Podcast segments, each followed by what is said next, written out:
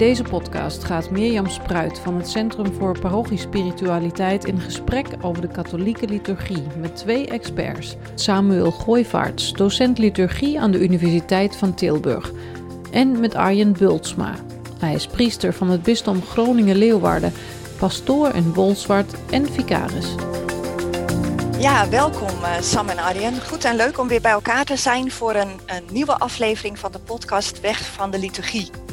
In de vorige aflevering ging het over het dialogale karakter van de Eucharistie, met name over de dienst van het woord en de voorbeden.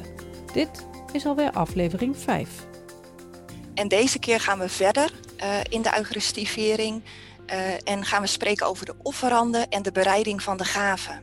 Dit is een podcast van katholiekleven.nl in samenwerking met het Centrum voor Parochiespiritualiteit. Uh, en jullie wilden daarbij ook graag inzoomen op het onderwerp van de lichamelijkheid en ook de betekenis van het offer. Dat wil zeggen de Eucharistie als offer. En dat lijkt me in elk geval, als ik voor mezelf spreek, wel een onderwerp waar jullie wat meer over mogen uitleggen. Maar misschien kunnen we beginnen met uh, dat onderwerp van de lichamelijkheid. Want Sam, dat is een onderwerp wat jij uh, graag wil toelichten en inbrengen. Dus uh, het woord is aan jou. Ja, um, ik denk dat dat echt. Uh, het is natuurlijk beetje vreemd om in deze lockdown-periode, maar net dan, om het dan over lichamelijkheid te hebben. Maar ik denk dat dat echt uh, zo'n essentieel aspect is van onze, van onze liturgie, um, waarbij we um, dat, dat evenwicht tussen enerzijds iets wat we, wat we willen begrijpen, wat we met woorden doen, wat we bidden met woorden, en de, wat we lichamelijk be, beleven, het bidden met lichaam en ziel, Um, dat dat echt net een heel mooi aspect is van onze liturgie, dat soms ook wat uit, evenwicht is. En zeker denk ik in het Westen hebben we wat de neiging om heel sterk op die woorden te gaan, uh, te gaan zitten en, en, die taal. Maar die lichamelijkheid, um, ja, dat is toch wel cruciaal. Bijvoorbeeld als we hier, we zouden het vandaag hebben over de rijden van de gaven en de offeranden. Het feit dat we met concrete zaken Eucharistie vieren. Hè, dat die gaven, dat dat fysieke, materiële gaven zijn die aangebracht worden. Uh, normaal gezien in een processie hè, vanuit de gemeenschap, die, uh, die in vroeger tijden gewoon dingen van thuis uit meebrachten. Hè, brood en wijn en ook gaven voor de armen, die allemaal werden verzameld en meegebracht. Fysieke, uh, fysieke zaken die werden aangebracht om Eucharistie mee te vieren. Um, ja. Dus dat is toch wel een voorbeeld. Uh, het, het, het, vieren van de liturgie, ja, met al onze zintuigen ook. Um, ja. uh, met, uh, met de tast, met, met onze stem, het, het, luisteren, daar hebben we het vorige keer over gesproken. Het, het, het, het smaken, ja, het ja. proeven. we krijgen te eten en te drinken op vele manieren. Um, het ruiken, hè, een belangrijk een, een onderdeel van het bereiden van de gaven is ook het, het wieroken. Ja. Is soms iets dat wordt voorbehouden voor, uh, voor speciale dagen, uh, hoogdagen en zo. Maar eigenlijk, um, die reukzin mag die ook best wel wat vaak, wat mij betreft, wat vaker worden aangesproken. Ja. Arjan, of jij veel wierook gebruikt bij jou in de kerk? Uh, eigenlijk gebruik ik het elke zondag. Goed zo. Maar door de week in principe niet. Maar dat heeft ook, ook weer te maken met dat het toch belangrijk is om dat onderscheid te maken tussen het gewone van de dagen, het bijzondere van de zondag wat in feite ook hoort bij dat idee van die lichamelijkheid en daarmee van dat hele menselijke van de, van de liturgie. Wat ook weer te maken heeft met dat rituele, wat we allemaal ons eigen is, ook in hele seculiere dingen. En daar hoort ook bij het onderscheid tussen het gewone en het, en het bijzondere. En ik bewaar dus de wierook, het wierook wel voor het bijzondere. Voor de zondag, ja. Ja. Ja, en hoe, hoe beleef jij dat, die lichamelijkheid, Arjen, in de mis? Hè? Die, die, dat hoofd en, en, en hart, zeg maar? Of hoe zeg je dat? Meer het gevoel en, en de zintuigen? Hoe ja, zie jij dat? Ja, dus precies omdat ik er diep van overtuigd ben dat wij als mensen voor God staan. En dat betekent niet, en ook niet als um, beide. Je bent, je bent en geestelijk, zal ik maar zeggen, en je bent ook lichamelijk. En zeker vanuit een, mens, vanuit een christelijk nadenken over de mens ben je ook je lichaam. Het is niet een soort van vehikel of zo, maar je bent het. En je, ja, je mag met heel je wezen uh, liturgie vieren, met heel je wezen um, naar de kerk komen. Um, met alles erop en eraan, zullen we maar zeggen. Ja. Um, en dat is denk ik heel belangrijk. Ook om, nou, we hebben het ook gewoon nodig. ehm, wil je ook ja, bij wijze van spreken ook als je, alleen als je nadenkt, het is misschien wat raar gezegd, maar als je nadenkt ook over hoe onze eigen hersenen opgebouwd zijn door de jaren heen, zal ik maar zeggen, door heel veel jaren heen, mm we hebben zo'n diepe kern en ons natuurlijk veel dikkere schors waarmee je echt kunt nadenken en kunt, kunt voelen en beleven. Maar we weten heel goed, ook, ook vanuit de psychologie, dat je dat, dat autonome van je hersenen eigenlijk alleen maar goed kunt bereiken door te doen langs de lijn van je lichaam. Ja. En alleen al daarom is het ook belangrijk om niet alleen maar te blijven denken. Maar als je dingen doet, als je knielt, als je buigt, uh, als je gaat staan, op bepaalde momenten gaat lopen, dan gebeurt er iets. Uh, ja. niet alleen in de beleving, maar iets met jouzelf. en wat, wat er volgens mij echt toe doet.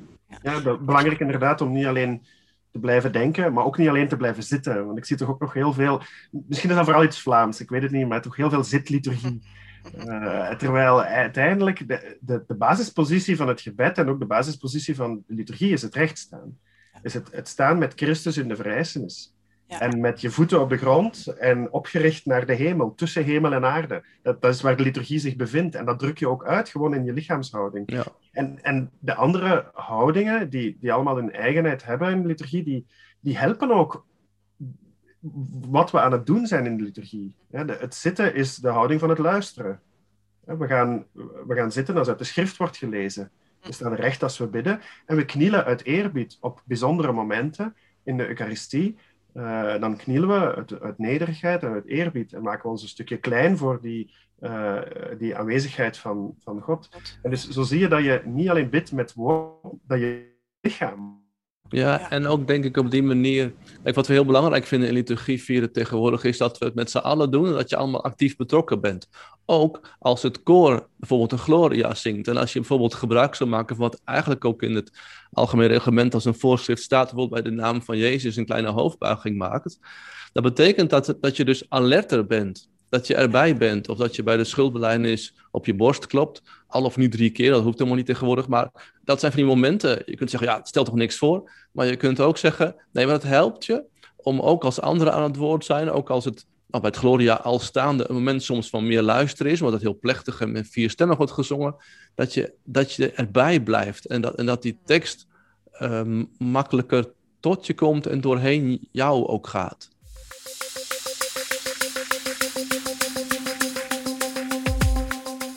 Ik denk dat het, ook, dat ook dingen communiceert die je niet zozeer met woorden altijd kan communiceren, of, of waar zij de beide elkaar versterken. Bijvoorbeeld als we het nu vandaag eh, zullen hebben over het bereiden van de gaven, het feit dat die gaven vanuit de gemeenschap komen en niet klaarstaan op een hoekje van het altaar, ja, dat, heeft, dat heeft zijn betekenis en zijn waarde. Het is de gemeenschap die, eh, zoals de priester zal bidden, het werk van onze handen aanbrengt en, mhm. en, en naar voren aanreikt om Eucharistie mee te vieren.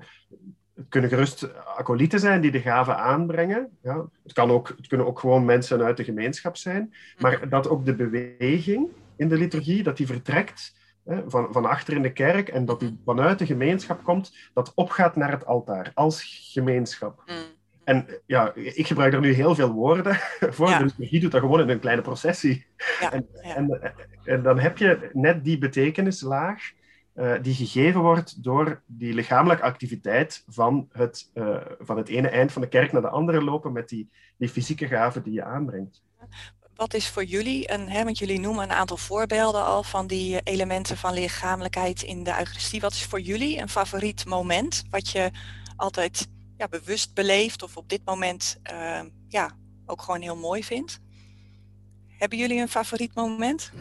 Oeh, lastig is dat. Marian of Sam? Um, nou, wat ik nu even spontaan naar boven komt. Um, als ik als priester uiteraard de, de mis celebreer, dan heb je zeker bij de begroeting het moment van de altaarkus. Uh, dat vind ik altijd iets heel bijzonders. Um, dat, omdat je toch, toch dan bedenkt, ja, het is echt een ontmoeting met Christus.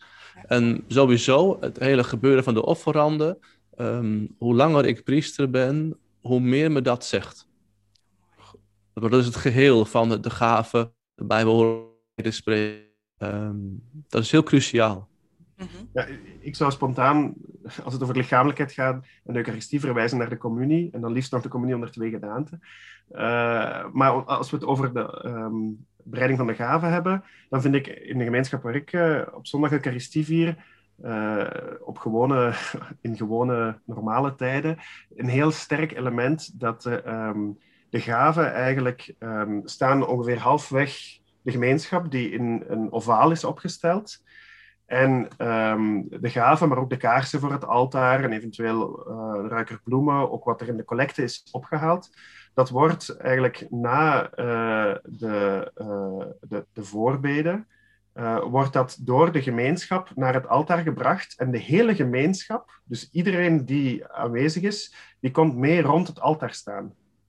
En dan vorm je dus fysiek ook het lichaam van Christus dat zich verzamelt rond het altaar. Dus er is een soort processie, mhm. niet alleen van, van de gaven als dusdanig, maar van de hele gemeenschap zelf, die opgaat naar het altaar en dan staan we eigenlijk allemaal.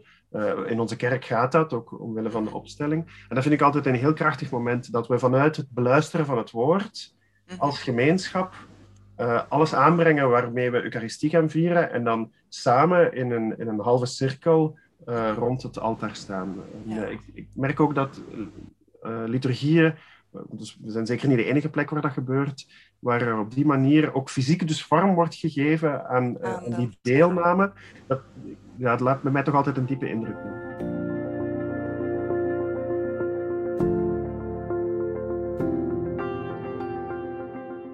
Dus als we spreken over, uh, over de offeranden, Arjen, uh, je zei ook net uh, dat je, hoe langer je priester bent, je dat steeds meer ja, beleeft of beseft. Kun je daar misschien nog iets meer over zeggen? Nou, ik, voor mij is heel duidelijk, ook in mijn eigen beleving, dat um, juist met de offeranden iets heel fundamenteels voor het vieren van de Eucharistie en ook voor liturgie een gestalte krijgt. Omdat het, kijk, de, de Eucharistieviering als geheel is ook een uitwisseling van gaven. En dat begint bij de, bij de offeranden. We, dragen natuurlijk brood en wijn aan, dat hebben we al even genoemd. Dat dragen we aan als werk van onze handen, maar ook als vrucht van de aarde en als een vrucht van de wijnstok. Dus dat, het is tegelijkertijd iets wat we gekregen hebben, um, wat we ook tegelijkertijd eigenlijk wonderlijk genoeg ook nog met elkaar hebben kunnen maken. Ik zeg wel eens bij eerste communie voorbereiding ook wel tegen de ouders dan van luisteren, als je mensen van over heel de wereld bij elkaar zet, heb je vaak snel ruzie. Maar op de een of andere manier lukt het ons toch om, om verspreid over een hele wereld met elkaar betrokken te zijn. En een soort van eenheid te vormen die brood kan maken. Met, het komt immers overal vandaan. De, de olie om de, of de gas. Of nou, wat alles wat je nodig hebt voor de oven. En voor de, voor de molen. En voor, voor het graan. Dat, dat komt allemaal bij elkaar in, in, in dat brood. En in die wijn. Dat is een soort van internationaal product. Ook al is het om de hoek gebakken. Bij wijze van spreken. Um, maar in dat, wat de vruchten van de aarde zijn, en, en, in die eenheid die het product is, ook een vrucht van de Heilige Geest, die op een of andere manier toch mensen bij elkaar brengt, is het ook uitdrukking en is het een soort van symbool, een teken van wie wij zijn. En wat ik heel mooi vind, is, is wat, eh, ik geloof dat de pauselijke prediker is, eh, Cantala Messa, die op een gegeven moment een van zijn boekjes, en dat is niet, niet een soort van officiële theologie of een catechismuswijsheid, maar meer vanuit zijn eigen beleving, dan zegt: Kijk eens, dat brood zou je kunnen zeggen, dat is eigenlijk al het mooie wat wij mensen um, kennen, wat we mogen meenemen, wat we ook zijn. Mhm. Dat wijn, wat natuurlijk bestemd is tot bloed, en hij wijst dan op dat waarschijnlijk in alle talen alles gezegswijzen met bloed iets negatiefs hebben. Bloed onder die nagels vandaan halen, bloed koken. Nou ja, weet je wel, dat is meestal niet fijn. Um, dus dat ook het, niet, niet soms gewoon het ronduit slechte van ons, ons eigen mens zijn en samen mens zijn, dat komt allemaal als het ware naar voren en dat leggen we op de pateen, dus de hostieschaal, dat leggen we in die kelk en dat brengen we bij de Heer. Ik zeg maar simpel van Heer, dit is het, dit zijn wij, maakt u er lichaam van Christus van, wij kunnen het niet. En dat, dat brengt gewoon het hele leven bij elkaar. Het is denk ik een heel belangrijk verschil wat, wat Arjen nu beschrijft tussen uh, het vieren van de Eucharistie als gemeenschap en het bij elkaar komen voor een, een viering van woord en communie. Mhm. Waar net dit onderdeel van het aanbrengen van de gaven, van de collecte en het, het bidden als gemeenschap over die gaven, uh, waarbij dit deel het, een belangrijk verschil is tussen die twee vormen van, uh, van liturgie. Um, en, en dus in die zin is het, het is niet zomaar het klaarmaken van de tafel of het dekken van de tafel, omdat we dadelijk dat brood en dat wijn nodig hebben. het geeft echt een, een belangrijke betekenis aan wat we daar aan het doen zijn als we Eucharistie vieren. Ja, ik zou eigenlijk willen vragen van als wij dan in de kerk zitten, Arjen, en jij bent daarmee bezig. Ja. Hoe, hoe moet dan, wat zou je dan adviseren aan ons, onze houding? Of hoe kunnen wij daarin dan ook meedoen? Hoe... Nou, ik denk op verschillende manieren. Dus, dus het is iets wat we samen doen. Natuurlijk heb ik als priester een, een beetje een bevoorrechte plek dicht bij het altaar. Ja. Dat is ben ik op dat moment ook echt priester en een soort van voorganger.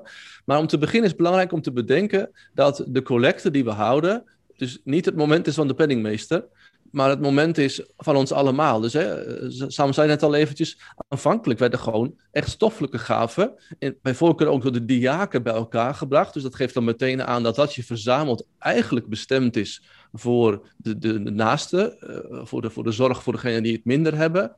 Um, daaruit wordt een deel gekozen wat niet bij het altaar wordt gelegd, zoals de collecteschaal als het goed is, maar een klein deel brood en wijn worden op het altaar gelegd. Um, dat is al een heel belangrijk ding, dus dat we ons dat bedenken. Het tweede, dat is meer misschien iets geestelijk. Ik hoorde de laatste iemand dat zeggen, vond ik eigenlijk wel mooi. Ik refereerde er al een beetje aan net. Um, dat je ook bij jezelf kunt bedenken. Daar wordt een schaal hosties omhoog gehouden bij de voorbereidende gebeden. Er wordt een kelk met wijn en een klein beetje water omhoog gehouden. En op die manier aan de Heer aangeboden. Wat nou als, als we in ons gebed onszelf erbij inleggen? Gewoon onze, onze, onze zorgen, wie we zijn, onze dankbaarheid natuurlijk ook, onze blijdschap.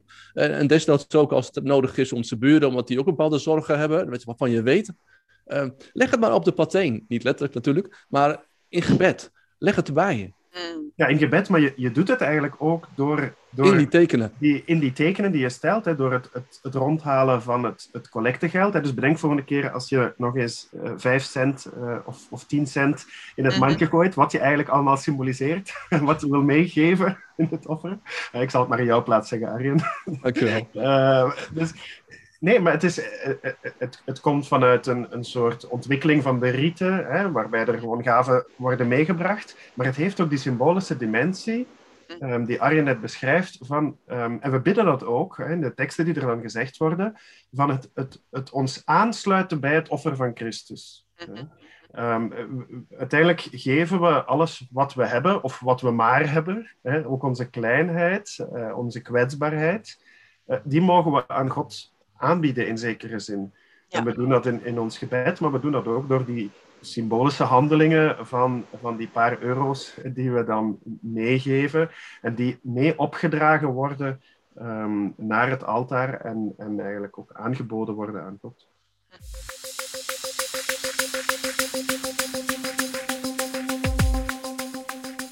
Ik denk dat het wel goed is in ieder geval dat begrip offer Hè, wat natuurlijk best wel een spannend iets is. Uh, Want dat roept allemaal associaties op.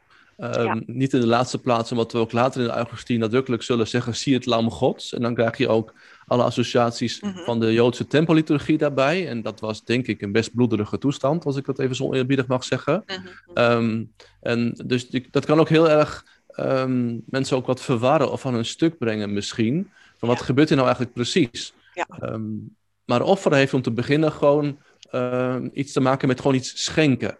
Mm -hmm. Offeren hoeft niet meteen te betekenen um, dat er ook bloed moet vloeien. Hè? Dus er is natuurlijk het offer van Christus, wat de kern is van ook wat we vieren. En wat we nou, eigenlijk letterlijk herinneren hè? Met, met de Eucharistieviering mm -hmm. en zeker ook bij het communiceren. Um, en natuurlijk, als je daarover gaat nadenken, kom, kom je niet om ook de, de, de gedachten, de woorden heen die iets te maken hebben met, met de tempelliturgie, met ook, uh, ook, ook met de offeranden daar.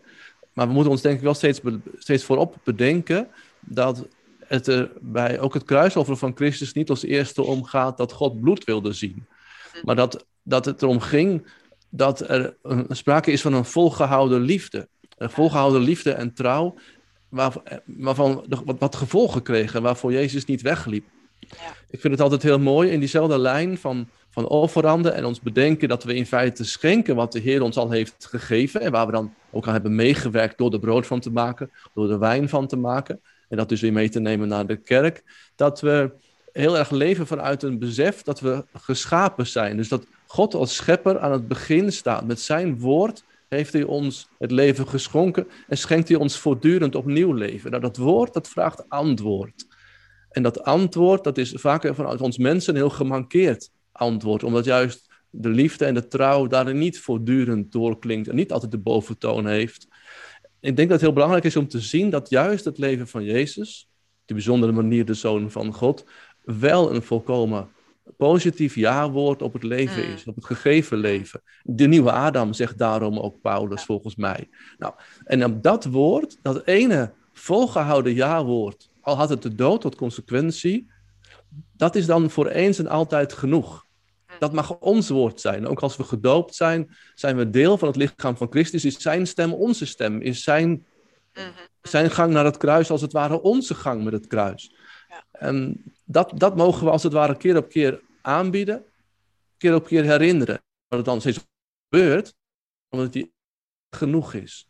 En dat is waar het ook in de offeranding om gaat. Ja. Een daad van liefde. Ja, en Ik begrijp dat, dat, eh, dat de term offer inderdaad vandaag de dag wel misschien ook heel wat negatieve ideeën, hè, zoals Arjen ook al zei, van bloed en, en vernietiging of destructie oproept. Maar ik vind het net mooi aan dat, aan dat offer, en we kennen dat ook wel uit ons, uit ons andere dagelijks leven, uit ons taalgebruik, ehm, dat er zoveel mogelijk, zoveel betekenissen aan het woord offer zitten. Ja, het gaat over het kruis. En het kruis was lijden en dood en pijn.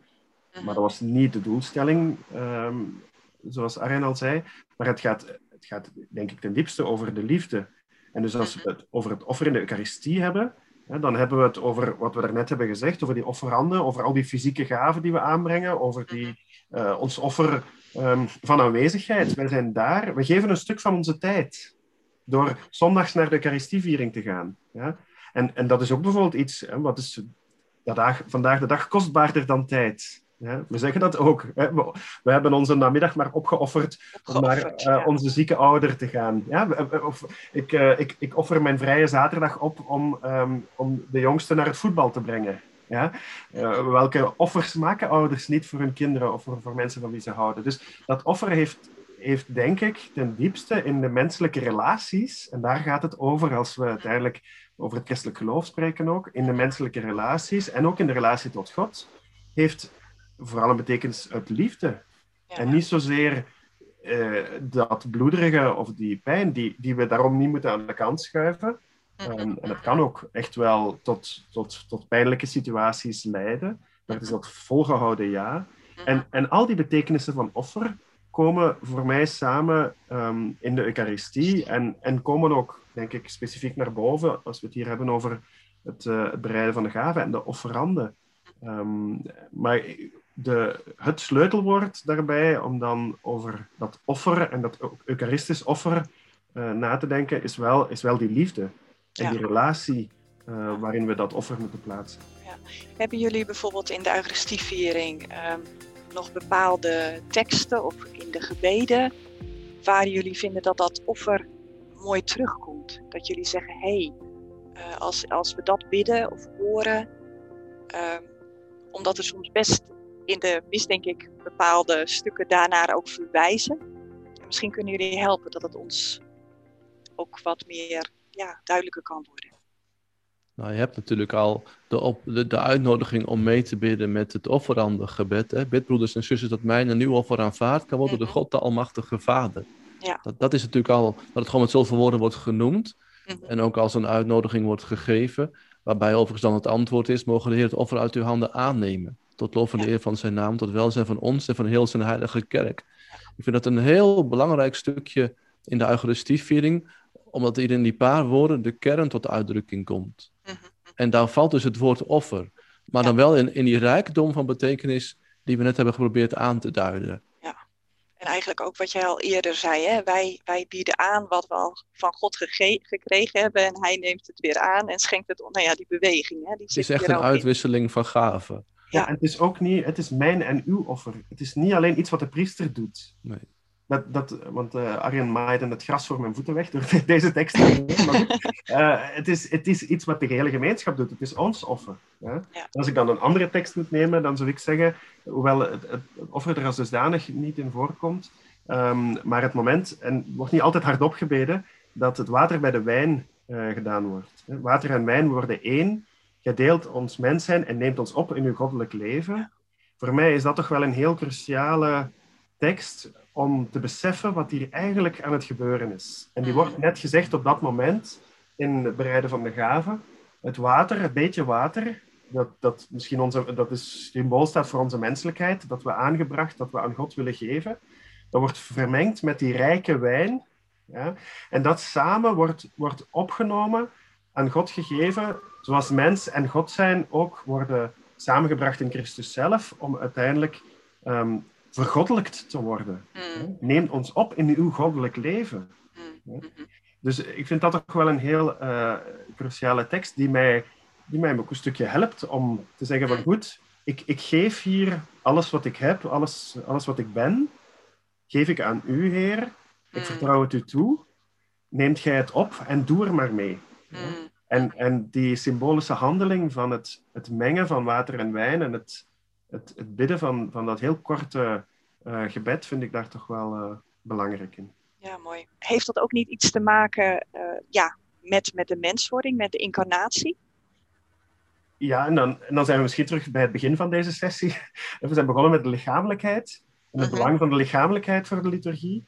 Ehm, ik bedoel, in de incarnatie zien we ehm, hoe belangrijk die lichamelijkheid ook is. Ja. God zelf redt ons door lichaam te worden in Christus. Ja, niet zomaar een lichaam, hij werd mens in Jezus Christus.